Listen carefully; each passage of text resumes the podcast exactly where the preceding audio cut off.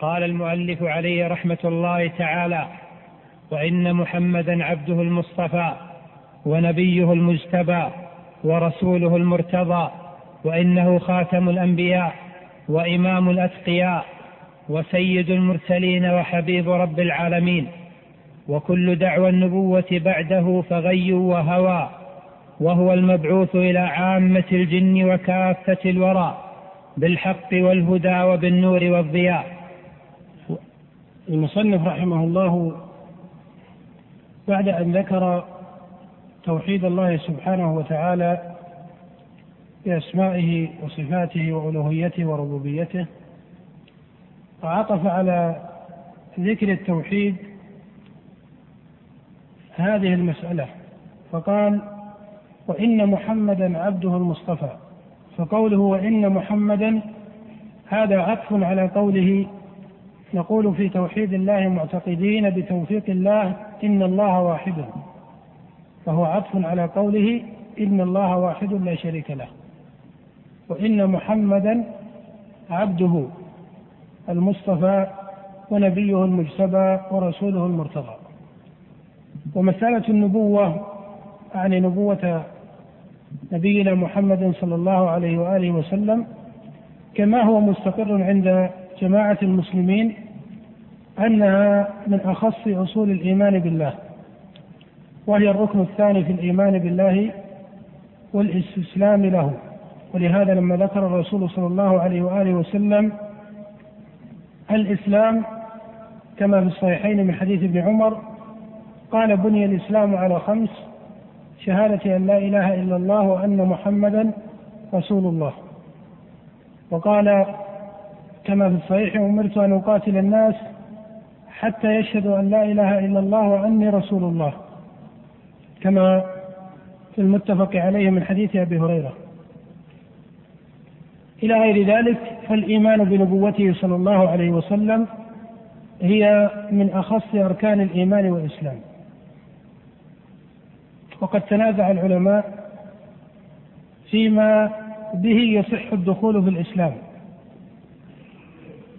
فلا شك أنه لا يكون مسلما من لم يؤمن بنبوة محمد صلى الله عليه وسلم ورسالته. فهذا محل إجماع بين. لكن محل النزاع هو فيما لو قال عبد أشهد أن لا إله إلا الله. قالوا فهل بذكره لشهادة أن لا إله إلا الله تلتحق به أحكام الإسلام أم أن أحكام الإسلام مقيدة بذكره للشهادتين معا؟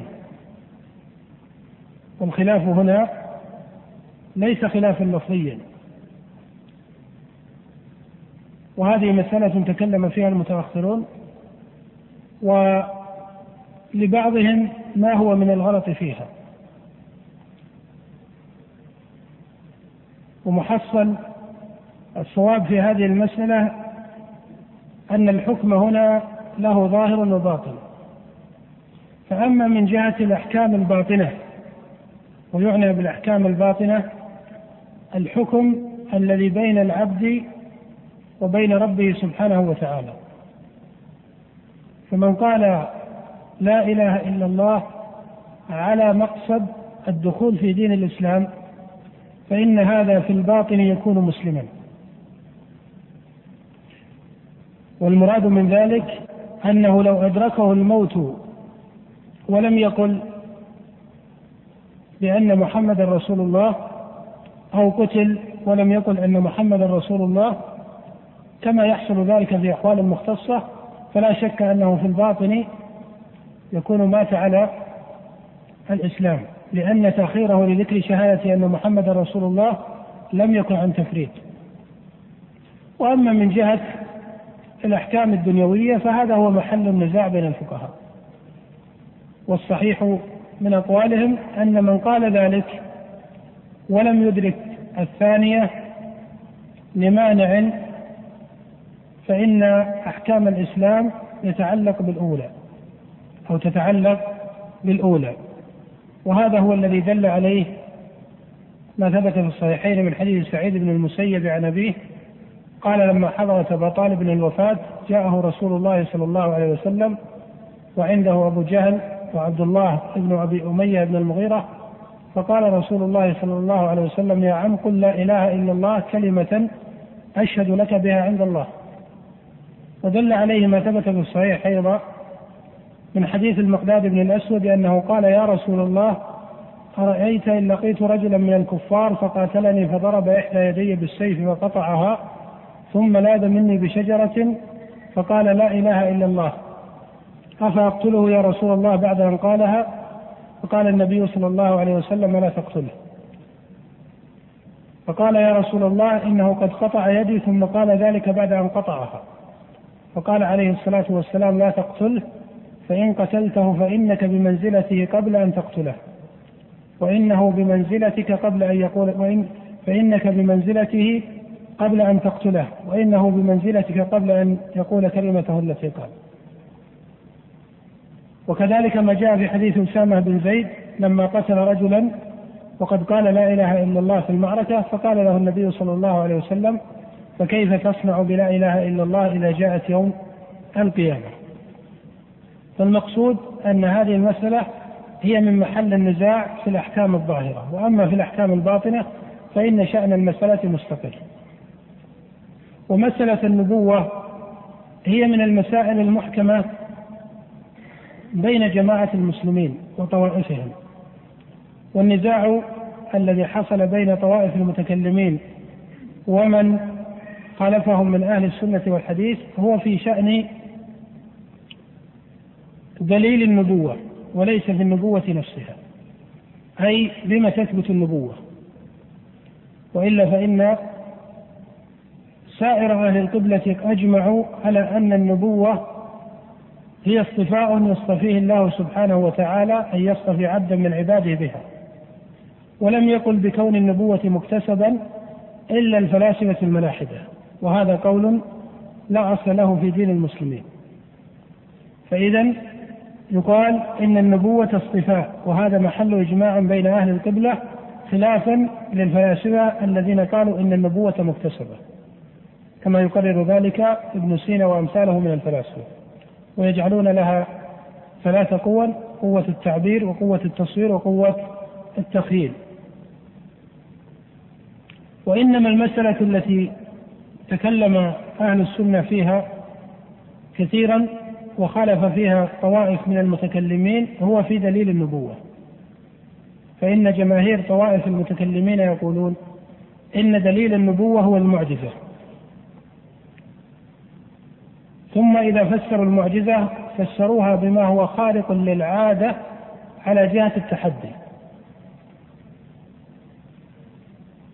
وقولهم هذا أعني قول الجماهير من المتكلمين غلط من جهتين.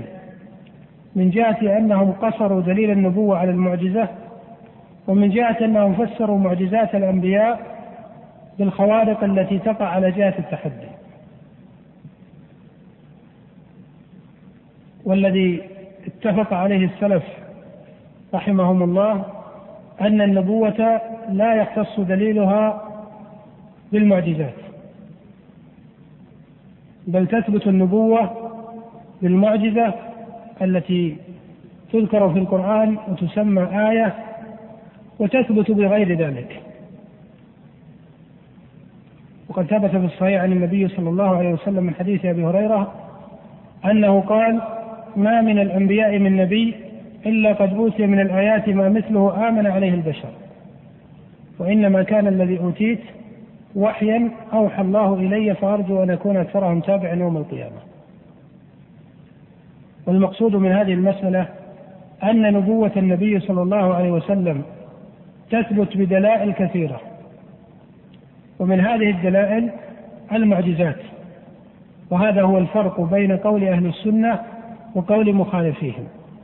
أن أهل السنة يجعلون المعجزة أحد دلائل النبوة. بخلاف الجمهور من المتكلمين كجماهير المعتزلة وجماهير الأشاعرة يجعلون دليل ثبوت النبوة هو المعجزة. والدليل على فساد ذلك أن الجماهير من المسلمين الذين آمنوا بالنبي صلى الله عليه وسلم آمنوا به وهم عند إيمانهم به لم يبلغهم عنه معجزة وإنما آمنوا بما بعث به من الحق. ومن دليل ذلك ما ثبت في الصحيحين من حديث ابن عباس لما كتب النبي كتابا إلى هرقل يدعوه إلى الإسلام. وهو في سياق طويل قال أبو قال ابن عباس حدثني أبو سفيان من فيه إلى فيه. قال انطلقت في المدة التي كانت بيني وبين رسول الله صلى الله عليه وسلم إلى الشام. وسياقه يطول لكن المحصل من أن هرقل قال هل ها هنا أحد أي بالشام من قوم هذا الرجل الذي يزعم أنه نبي؟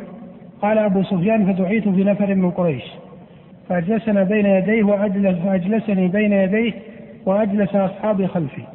وقال لترجمانه قل لهم إني سائل هذا. يعني أبا سفيان عن الرجل الذي يزعم فيكم أنه نبي فإن صدقني فصدقوه وإن كذبني فكذبوه. فكانت أسئلة هرقل هل كان من آبائه ملك؟ فقال أبو سفيان لا. فقال هل كنتم تتهمونه بالكذب قبل أن يقول ما قال؟ فقال أبو سفيان لا. فقال هل قال هذا القول أحد قبله؟ فقال أبو سفيان لا. قال من يتبعه أشراف الناس أم ضعفاءهم قال بل ضعفاءهم قال يزيدون أم ينقصون؟ قال بل يزيدون. قال يرتد أحد منهم عن دينه بعد أن يدخل فيه سخطة له؟ قال أبو سفيان لا. قال هل يغدر؟ فقال أبو سفيان لا يغدر. ونحن منه في مدة أي في صلح لا ندري ما هو صانع فيه. قال أبو سفيان فوالله ما أمكنني أن أدخل كلمة إلا هذا أي تشكيكا بالدعوة. فالمحصل أن هرقل سأل هذه السؤالات. ثم قال بما يأمركم؟ قال أبو سفيان يأمرنا بالصلاة والصدقة والصلة والعفاف. فمن هذه الأسئلة وترى أن سائر هذه الأسئلة ليس فيها سؤال عن المعجزات. قال هرقل إن يكن ما تقوله فيه حقا فإنه نبي. وقد كنت أعلم أنه خارج ولم أكن أظنه منكم. ولو أني أعلم أني أخلص إليه لأحببت لقاءه ولو كنت عنده لغسلت عن قدميه. ثم بين هرقل معنى هذه السؤالات فقال هل هل كان من آبائه ملك؟ فلو كان من آبائه ملك لقلت رجل يطلب ملك آبائه. وسألتك هل قال هذا القول أحد قبله فلو قاله أحد قبله فيكم لقلت رجل اهتم بقول قيل قبله إلى غير ذلك. فالمقصود أن هرقل عرف نبوة النبي صلى الله عليه وسلم بدلائل ليس منها المعجزات مما يدل على أن دليل النبوة ليس مقصورا على المعجزة وهذا هو الذي عليه جماهير المسلمين وهو المعروف في أحوالهم. وترى أنه صلى الله عليه وسلم حال حياته كان يأتيه الوفود وتأتيه الأعراب وآمن به من آمن من عبدة الأوثان ومن اليهود ومن النصارى مع أن جمهور من آمن به إذ ذاك وقت إيمانهم لم ينظروا معجزة وإنما صدقوه بما يقوله من الحق. ولهذا فإن أعظم ما بعث به صلى الله عليه وسلم وأخص دلائل النبوة هو القرآن. والقرآن هو من جهته معجزا فإنه معجز من حيث الحقائق ومن حيث النظم. فإن الله سبحانه وتعالى تحدى العرب أن يأتوا بمثل هذا القرآن. فهذا أو هذه المسألة هي أخص مسائل الخلاف في مسألة النبوة وهي أن نبوة النبي عليه الصلاة والسلام لا يقتصر ثبوتها على المعجزة بل المعجزة أحد دلائل النبوة.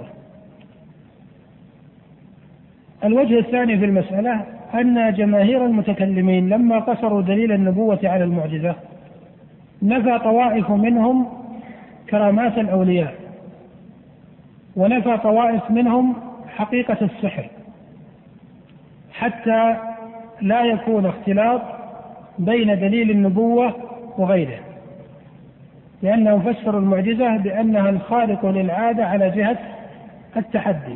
قالوا ولو أثبتنا ما هو من كرامات الأولياء أو من خوارق السحرة والكهان فكان هذا يمكن أن يكون مماثلا لدليل النبوة. وعن هذا نفى من نفى منهم كرامات الأولياء ونفى من نفى منهم ما يقع من السحرة من الخوارق والكهان. ولا شك أن كرامات الأولياء ثابتة بإجماع أهل السنة والجماعة. وقد ذكرها الله سبحانه وتعالى في كتابه في قصة الفتية أهل الكهف. فإن الله سبحانه وتعالى آتاهم تلك الكرامة المذكورة في سورة الكهف.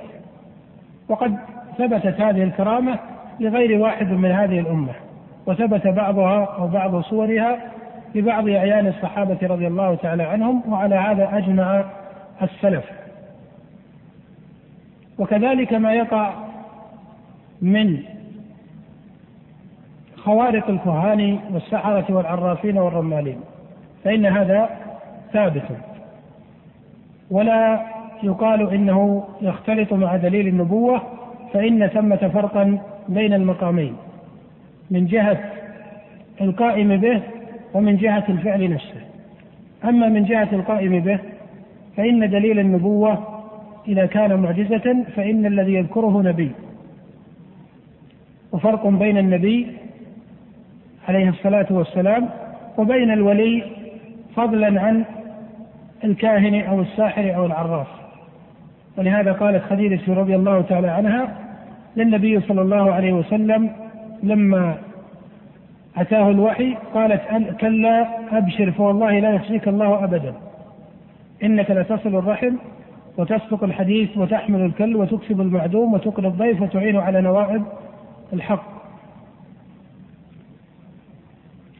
فإذا فرق بين كرامات الأولياء وما يقع من السحرة والكهان والعرافين وبين ما يقع من الأنبياء والفرق هنا من جهتين الجهة الأولى من جهة القائم بها ومن وقعت بين يديه.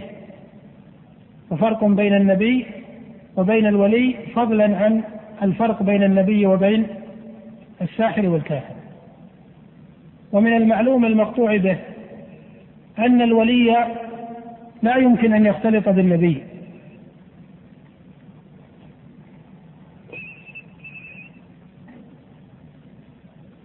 نقول من المعلوم أن الولي لا يمكن أن يختلط بالنبي.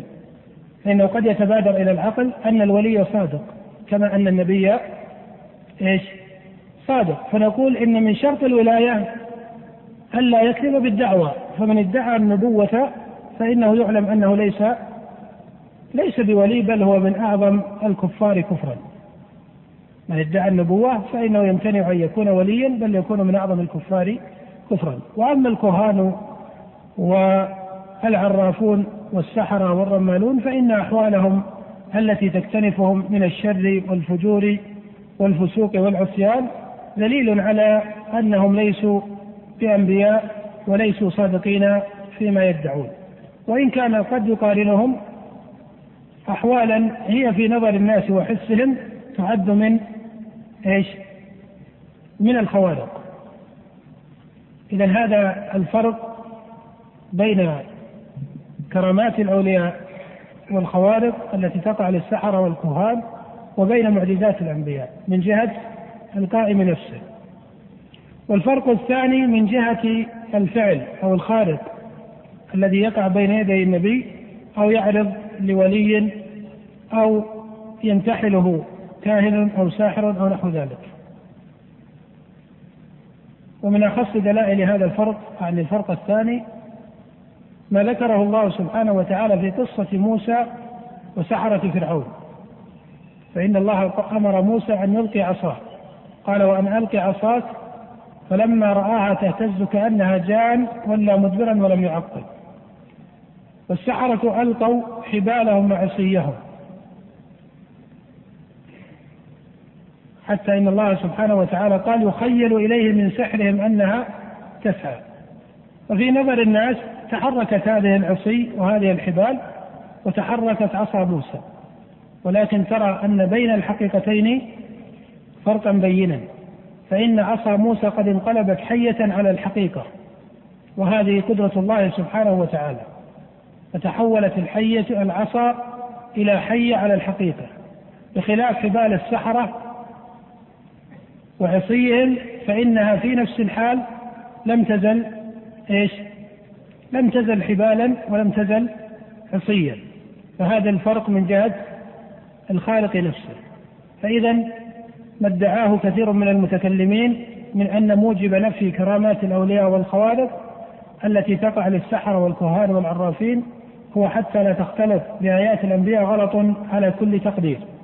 فإنهم غلطوا في قصر دليل النبوة على المعجزة وغلطوا في معجزة في فهم معجزة النبي ولم يفرقوا بينها وبين كرامة الولي وخوارق السحرة.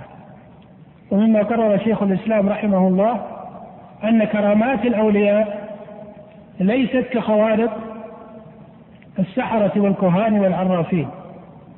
وإذا كان بين كرامات الأولياء وخوارق السحرة والكهان والعرافين فرق فمن باب أولى إيش؟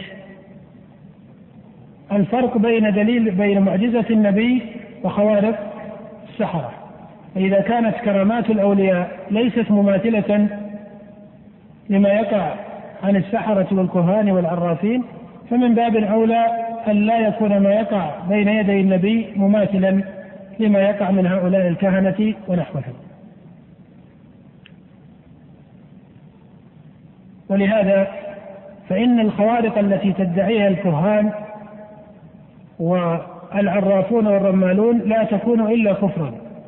أي لا بد أن يصاحبها الكفر فإنها نوع خضوع للشياطين لشياطين الجن. ومعلوم أن الجن لهم من الاقتدار على الأشياء ما ليس لبني آدم. فإن قيل فما حقيقة ما يظهر من الخوارق على يد الكهان والعرافين ونحوهم وكذلك السحرة قيل هذه الخوارق هي حركة من الجن. هي في نظر الجن حركة خارقة أو معتادة. هي في نظر الجن وحالهم حركة معتادة وتكون في نظر الإنس حركة خارقة. ولهذا لا يستعملون الخوارق إلا بنوع من عن الكهان والسحرة لا يستعملون الخوارق إلا بنوع من الكفر وهو الخضوع لمردة وشياطين الجن. ومعلوم أن الجن لهم من الاقتدار. قد قال الله سبحانه وتعالى قال عفريت من الجن أنا آتيك به قبل أن تقوم من مقامك.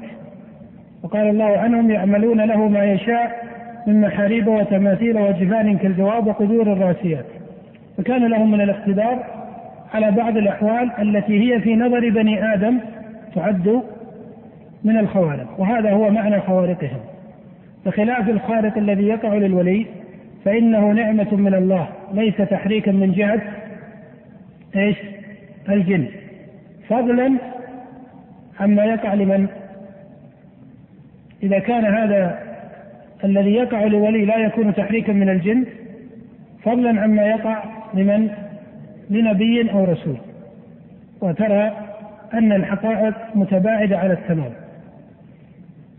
ترى أن الحقائق متباعدة على التمام. ومن هنا اتفق السلف رحمهم الله على أن السحر كفر. على قوله تعالى وما يعلمان من أحد حتى يقول إنما نحن فتنة فلا تكفر. فإن الساحر إنما كفر لأنه قد خضع لغير الله بالطاعة. ومن خضع لغير الله بالطاعة والاستسلام والانقياد فلا شك أنه كافر بإجماع المسلمين. وإنما الذي تكلم به بعض أصحاب الإمام الشافعي ونسبوه قولا له هو التفصيل في مسألة السحر. وهذا التفصيل الذي ذكره بعض أصحاب الشافعي وأضيف له هو خلاف لفظي. فإنه شاع من زمن متقدم بعدما ترجمت العلوم ولا سيما العلوم علوم الكيمياء وعلوم السيمياء ونحوها صار هناك نوع من الحركة التي ليست معتادة ولكنها بفعل بعض المواد. وليست بأثر الجن فصار بعض الفقهاء يقولون لا بد من صلة السحر فإن كان مرتبطا بالجن فهو كفر لأنه يكون خضوعا وإن كان نوع حركة كخفة اليد مثلا أو وضع بعض المواد على بعض فيتحول إلى مادة أخرى أو نحو ذلك فهذا لا يعدونه إيش؟ فهذا لا يعدونه كفرا وهو كذلك لأنه ليس بسحر. وإن كان قد ينهى عنه سدا للذريعة وتأديبا للناس وحتى لا يفتتن الناس فهذا باب آخر. لكن لا شك أن ما يقع من خفة اليد أو وضع مادة على سائل فينقلب لون السائل إلى لون آخر مثل هذه الأمور لا شك أنها بالإجماع ليست كفرا ولا تسمى سحرا. فإن السحر هو ما ذكره الله هو الخضوع للشياطين أو لا بد أن يصاحبه ذلك. فهذا ليس مختصا ببعض الشافعية بل بالإجماع أن مثل هذا لا يسمى كفرا وكأن الغلط هو في تسميته سحرا. وكأن الغلط هو في تسميته سحرا وإذا قيل إنه ليس بكفر فلا يعني هذا أنه جائز بل ينهى عنه سدا للذريعة وحتى لا يفتتن الناس به. فقال المصنف وإن محمدا عبده المصطفى أي عبد الله سبحانه وتعالى ولفظ العبودية هنا لفظ تشريف على قوله تعالى سبحان الذي أسرى بعبده وقوله تعالى وإنه لما قام عبد الله يدعوه وقوله ونبيه المجتبى أي أن الله اجتبى نبيه ورسوله المرتبى أي أن الله سبحانه وتعالى رضيه رسولا له ورضي عنه. والمصنف كما ترى ذكر نبوته ورسالته. وبالإجماع أنه عليه الصلاة والسلام يسمى نبيا ويسمى رسولا.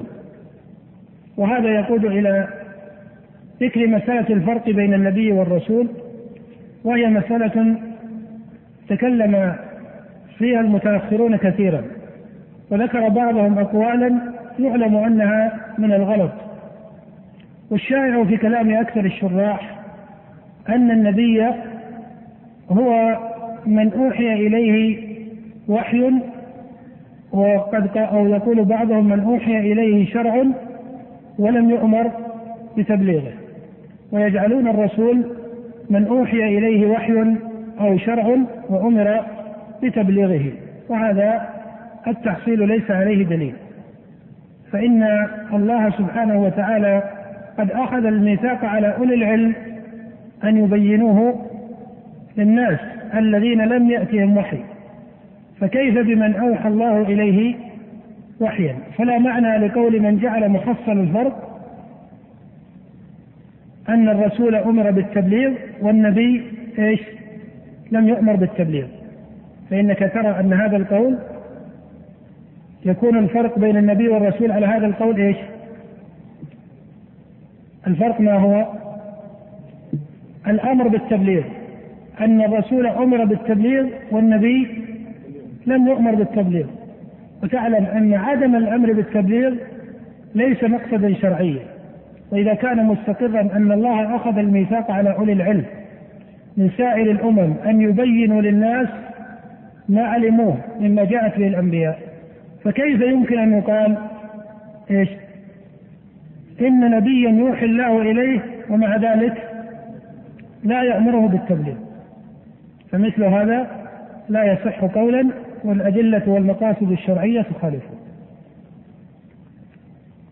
وقد نسب هذا القول إلى شيخ الإسلام ابن تيمية رحمه الله ولكنه ليس كذلك. بل الصحيح وهو الذي قرره الشيخ رحمه الله تقريرا تاما يعني شيخ الإسلام أن النبي هو من بعث أو أوحي إليه الاتباع أو التجديد لشريعة نبي قبله. فهذا التكليف هو النبوة. ويكون الرسول على هذا التعريف أو على هذا الحد هو من بعث إلى قوم بأصل التوحيد. فمن بعث ليبين للناس أصل التوحيد فإنه يسمى رسولا. ومن كان المقصود من بعثته إما نسخ الشريعة السابقة أو التثبيت لها أو التجديد في بعض مسائلها فإنه يسمى نبيا. فالنبي إما أن يكون ناسخا لشريعة قبله وإما أن يكون مجددا لها وإما أن يكون مثبتا لها مثبتا لمن درس منها. ويكون القوم الذين بعث فيهم على أصل التوحيد فهذا هو شأن الأنبياء. وأما الرسل فإنهم يبعثون إلى قوم بأصل التوحيد أي يدعون الناس إلى عبادة الله وتصاحبهم شريعة. وقد قال بعض العلماء إنه ليس من شرط الرسول على هذا الوجه إذا بعث بأصل التوحيد أن يختص بشريعة بل قد يبعث بأصل التوحيد ويكون موافقا لشريعة رسول قبله وهذا تحصيل محتمل والله أعلم به. وجعلوا مثلا لذلك يوسف عليه الصلاة والسلام فإن الله قال ولقد جاءكم يوسف من قبل بالبينات فما زلتم في شك مما جاءكم به حتى إذا هلك قلتم لن يبعث الله من بعده رسولا. فظاهر السياق أنه رسول وكان على ملة إبراهيم أي على شريعته. وهذا تحصيل محتمل لأن قوله اتبعت ملة آبائي فيما يظهر أن هذا المقصود به التوحيد. فالمحصل أن التفريق الأرجح في هذه المسألة هو أن الرسول هو من بعث بأصل التوحيد داعيا إلى أصل التوحيد. وأما النبي فهو من بعث إلى قوم موحدين. إما ناسخا لشريعة نبي قبله وإما مجددا لها وإما مثبتا لمن درس منها. وقد قال عليه الصلاة والسلام كما في الصحيح كانت بنو إسرائيل تسوسهم الأنبياء. كلما هلك نبي خلفه نبي وإنه لا نبي بعده. فهذا هو محصل الفرق بين النبي والرسول. قال وإنه خاتم الأنبياء. أما أنه خاتم الأنبياء فبالإجماع وبصريح الكتاب والسنة. ما كان محمد أبا أحد من رجالكم ولكن رسول الله وخاتم النبيين. وفي الصحيحين عن أبي هريرة أنه صلى الله عليه وسلم قال مثلي ومثل الأنبياء من قبلي. كمثل رجل بنى بنيانا فأحسنه وأجمله إلا لبنة فجعل الناس يطيفون به ويعجبون له ويقولون ما أحسن هذا البنيان؟ قال فأنا خاتم النبيين وأنا موضع هذه اللبنة. وقد تواتر عنه صلى الله عليه وسلم أنه خاتم النبيين وهذا محل إجماع بين المسلمين. فكل من ادعى النبوة بعده فإنه يكون كافرا. سواء ادعى أنه نبي على الاختصاص أي أتى بشريعة جديدة أو ادعى أنه نبي يوحى إليه ما اختلف الناس فيه من أمر شريعة رسول الله صلى الله عليه وسلم. فمن ادعى الثاني أيضا فقد كفر. من ادعى أنه نبي بمعنى أنه أتى بشريعة جديدة. فهذا لا شك في كفره. وكذلك لا شك في كفر من زعم أنه يوحى إليه الفصل فيما اختلف الناس فيه من إيش؟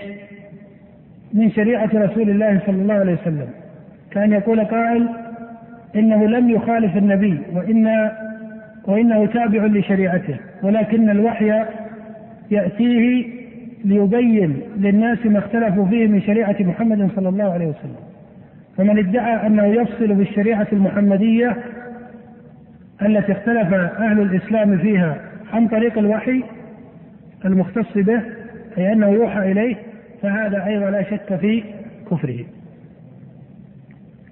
وعليه فإنه يعلم أن بعض الطوائف الغالية التي تدعي الوحي أو تدعي بعض مقامات الوحي كعصمة القول عصمة مطلقة وأن صاحب هذا المقام لا يمكن أن يخطئ إذا تكلم في شرع الله فمن زعم هذا في أحد من عباد الله بعد الرسول عليه الصلاة والسلام فإنه كافر بإجماع المسلمين.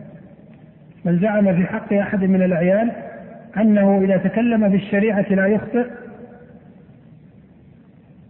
وعصمه عن الخطأ في الشرع سواء كان وليا أو سواء سمي وليا أو سمي غير ذلك كما يقع في بعض الولاة من بعض الطوائف فإن هذا لا شك في كفره وكفره مجمع عليه بين المسلمين. قال وإنه خاتم الأنبياء وإمام الأتقياء وسيد المرسلين وحبيب رب العالمين.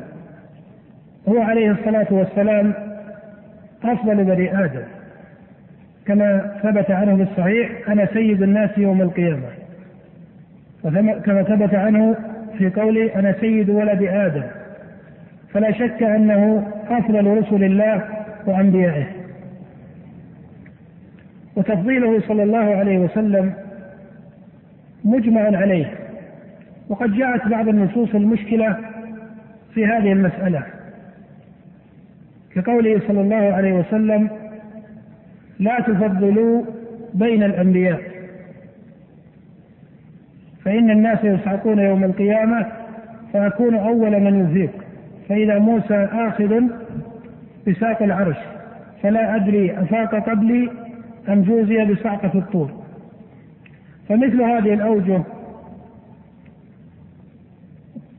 ينبغي الوقوف فيها على معنى قوله صلى الله عليه وسلم. وعليه فإنه إذا قيل إنه عليه الصلاة والسلام هو أفضل الأنبياء والرسل فإنه في هذا المقام المختص وهو حين يصعق الناس يوم القيامة. فإنه أول من يفيق. لكن هل موسى عليه الصلاة والسلام يفيق قبله أم أن موسى يكون ممن استثنى الله؟ ماذا يقال؟ ها؟ يقال الله أعلم. لماذا؟ لأن النبي نفسه لما حدث بالحديث قال فلا أدري. أفاق قبلي أم كان إيش؟ ممن استثنى الله. فيجب في هذه المسألة الوقوف. ولا يصح الجزم. فيقال إن النبي أفاق قبله أو غير ذلك إلا إذا صح دليل مختص وإلا فلما وقف عليه الصلاة والسلام في المسألة وجب الوقوف فيها. وعليه يحمل قوله صلى الله عليه وسلم لا تفضلوا بين الأنبياء إذا كان التفضيل على جهة التعدي أو استلزم التفضيل التقليل أو الإسقاط لحق نبي من الأنبياء. ومناسبة الحديث كما في الصحيح. أن أحد اليهود قال لا والذي اصطفى موسى على البشر. فلطمه أحد الصحابة وقال تقول هذا ورسول الله صلى الله عليه وسلم بين أظهرنا. فلما بلغ النبي صلى الله عليه وسلم ذلك قال لا تفضلوا بين الأنبياء. وترى أن الحديث هنا ليس معناه أن المسلم لا يعتقد أن محمدا أفضل من غيره. وأن موسى أفضل من كثير من الأنبياء. فإن الله قال في القرآن تلك الرسل فضلنا بعضهم على بعض منهم من كلم الله. وقال ولقد فضلنا بعض النبيين على بعض وآتينا داود زبورا. وإنما ينهى عن التفضيل إذا كان التفضيل على مثل هذا الوجه. وهذه أيها الإخوة مسألة من مقاصد أهل السنة وهي أنه لا يستطال. على أحد من خلق الله لا بحق ولا بغير حق.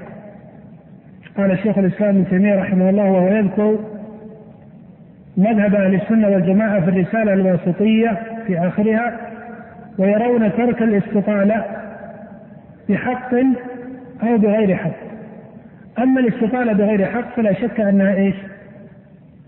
من استطال على أحد بغير حق بمحض الظلم والكذب أو الخطأ أو الغلط فهذا بين لكن الذي أراد التنبيه إليه أن أهل السنة من مقاصدهم وهي من أشرف المقاصد وأخلاق الأنبياء أنهم لا يستطيلون على أحد من عباد الله حتى ولو كانت استطالتهم إيش؟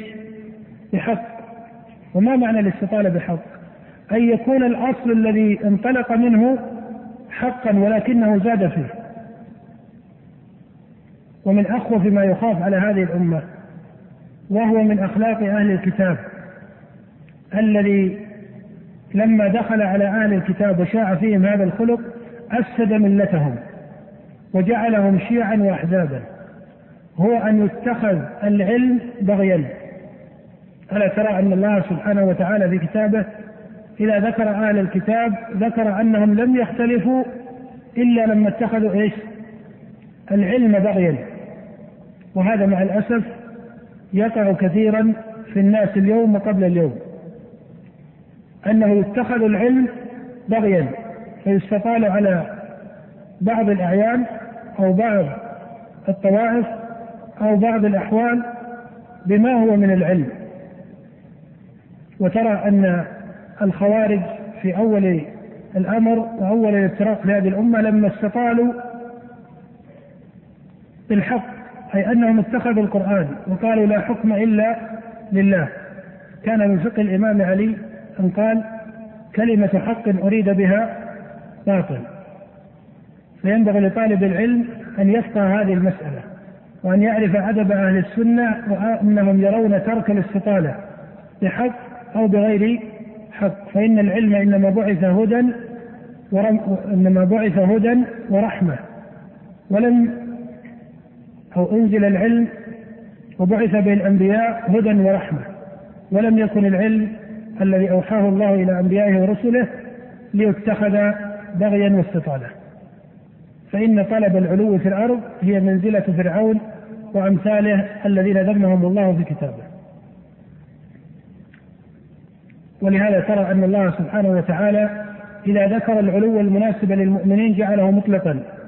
قال ولا تهنوا ولا تحزنوا وأنتم الأعلون.